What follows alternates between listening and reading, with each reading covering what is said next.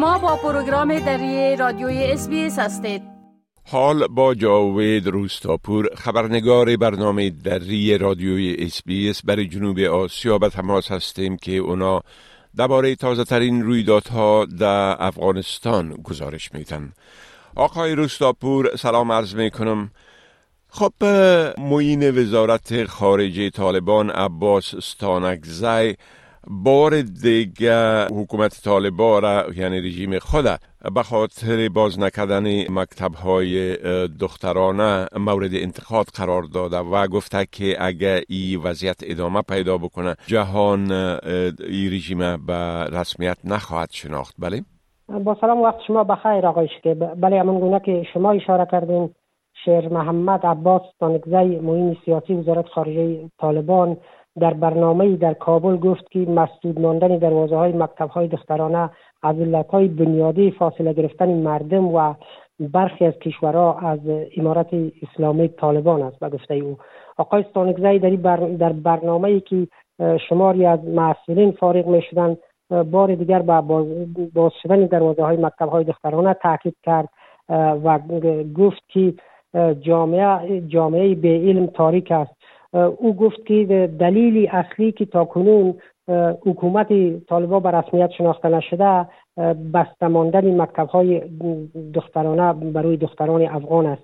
آقای سانکزی تاکید کرد که چطور می شود کسی این حق را بگیرد؟ اگر کسی این حق را بگیرد در مقابل افغان ها و مردم افغانستان تجاوز آشکار و ظلم است.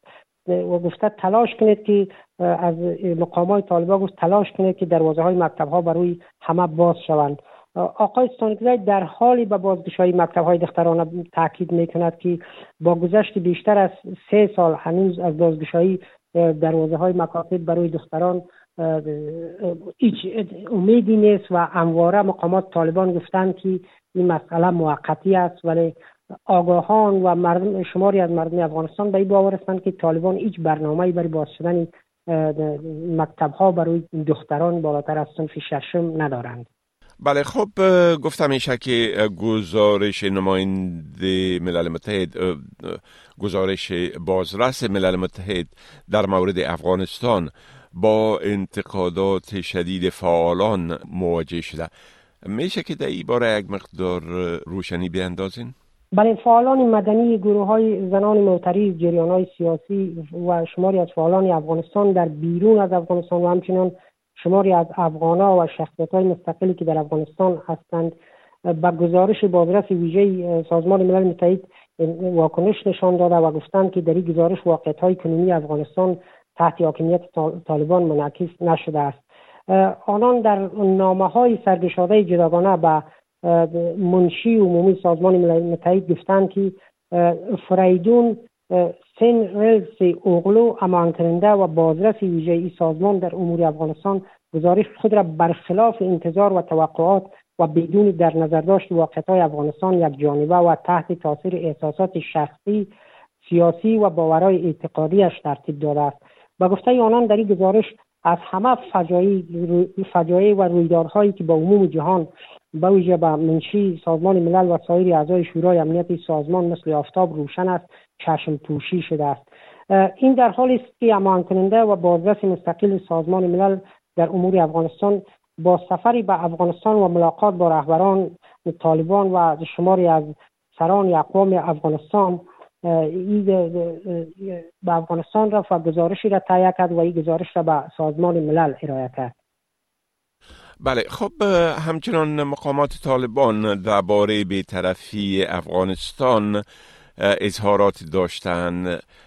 میشه که در ای باره یک مقدار تفصیلات بتین اکادمی علوم افغانستان روزی گذشته نشستی را پیرامون سیاست خارجی افغانستان برگزار کرد که عبدالسلام عنفی معاون اداره ریاست الوزرای طالبا در این نشست گفت که بیطرفی افغانستان به عنوان یک مکانیزم برای تامین صلح و ثبات در کشورها در کشور و جلوگیری از رشد منازعات منطقه‌ای ضروری است.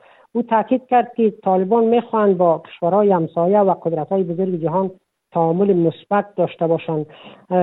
در همین حال سرپرست وزارت امور خارجه طالبان نیز در یک اعلامیه بر بیطرفی و توازن در سیاست خارجی حکومتشان تاکید کرد و گفت که سیاست خارجی افغانستان بیشتر اقتصادی میور است.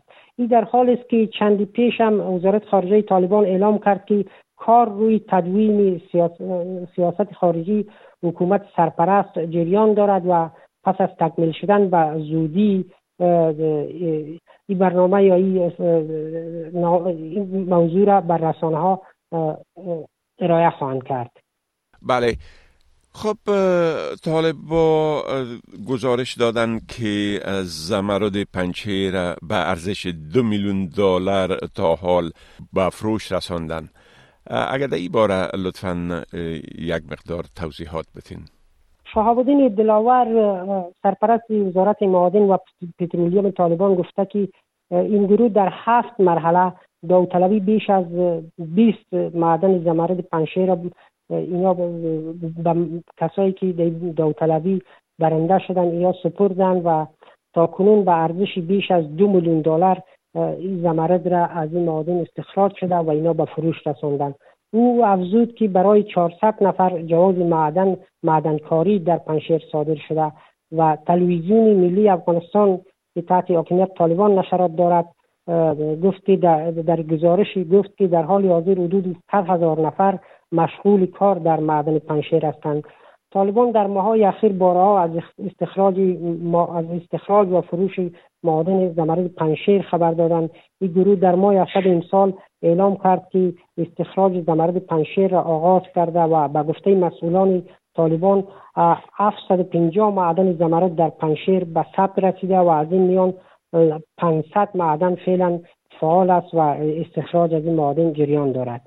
بله خب با اخراج مهاجرین افغان از پاکستان مقامات طالبان گفتند که با این مهاجرین کمک می‌کنن و یک تعداد زیادی از اونا را با ورودشان به افغانستان به ولایات و قریه های مربوطهشان رساندن بله. وزارت ترانسپورت و هوانوردی طالبان اعلام کرد که در یک شبانه روز گذشته 738 خانواده عودت کننده را به محلات اصلیشان در شماری از ولایت ها انتقال دادند. امام الدین احمدی سخنگوی وزارت ترانسپورت طالبان به آژانس خبری باختر که تحت حاکمیت طالبان نشرات دارد. گفته که کمیته موظف این وزارت این خانواده های عودت کننده را از طریق مرزهای تورخم و اسپین بولدک به ولایت های قندهار کابل ننگرهار لغمان هرات و کنر انتقال دادند. به گفته سخنگوی وزارت ترانسپورت تا کنون انتقال نزدیک به 80 هزار خانواده عودت کننده به معلات اصلیشان از سوی کمیته موظف این وزارت صورت گرفته و این روند همچنان ادامه دارد. بله خب بسیار تشکر آقای روستاپور از این معلوماتتان و فعلا شما را به خدا می سپارم و روز خوش برتان آرزو می کنم وقت شما هم خوش خدا حافظ ناصرتان. بپسندید شریک سازید و نظر دهید. اسپیس دری را در فیسبوک تعقیب کنید.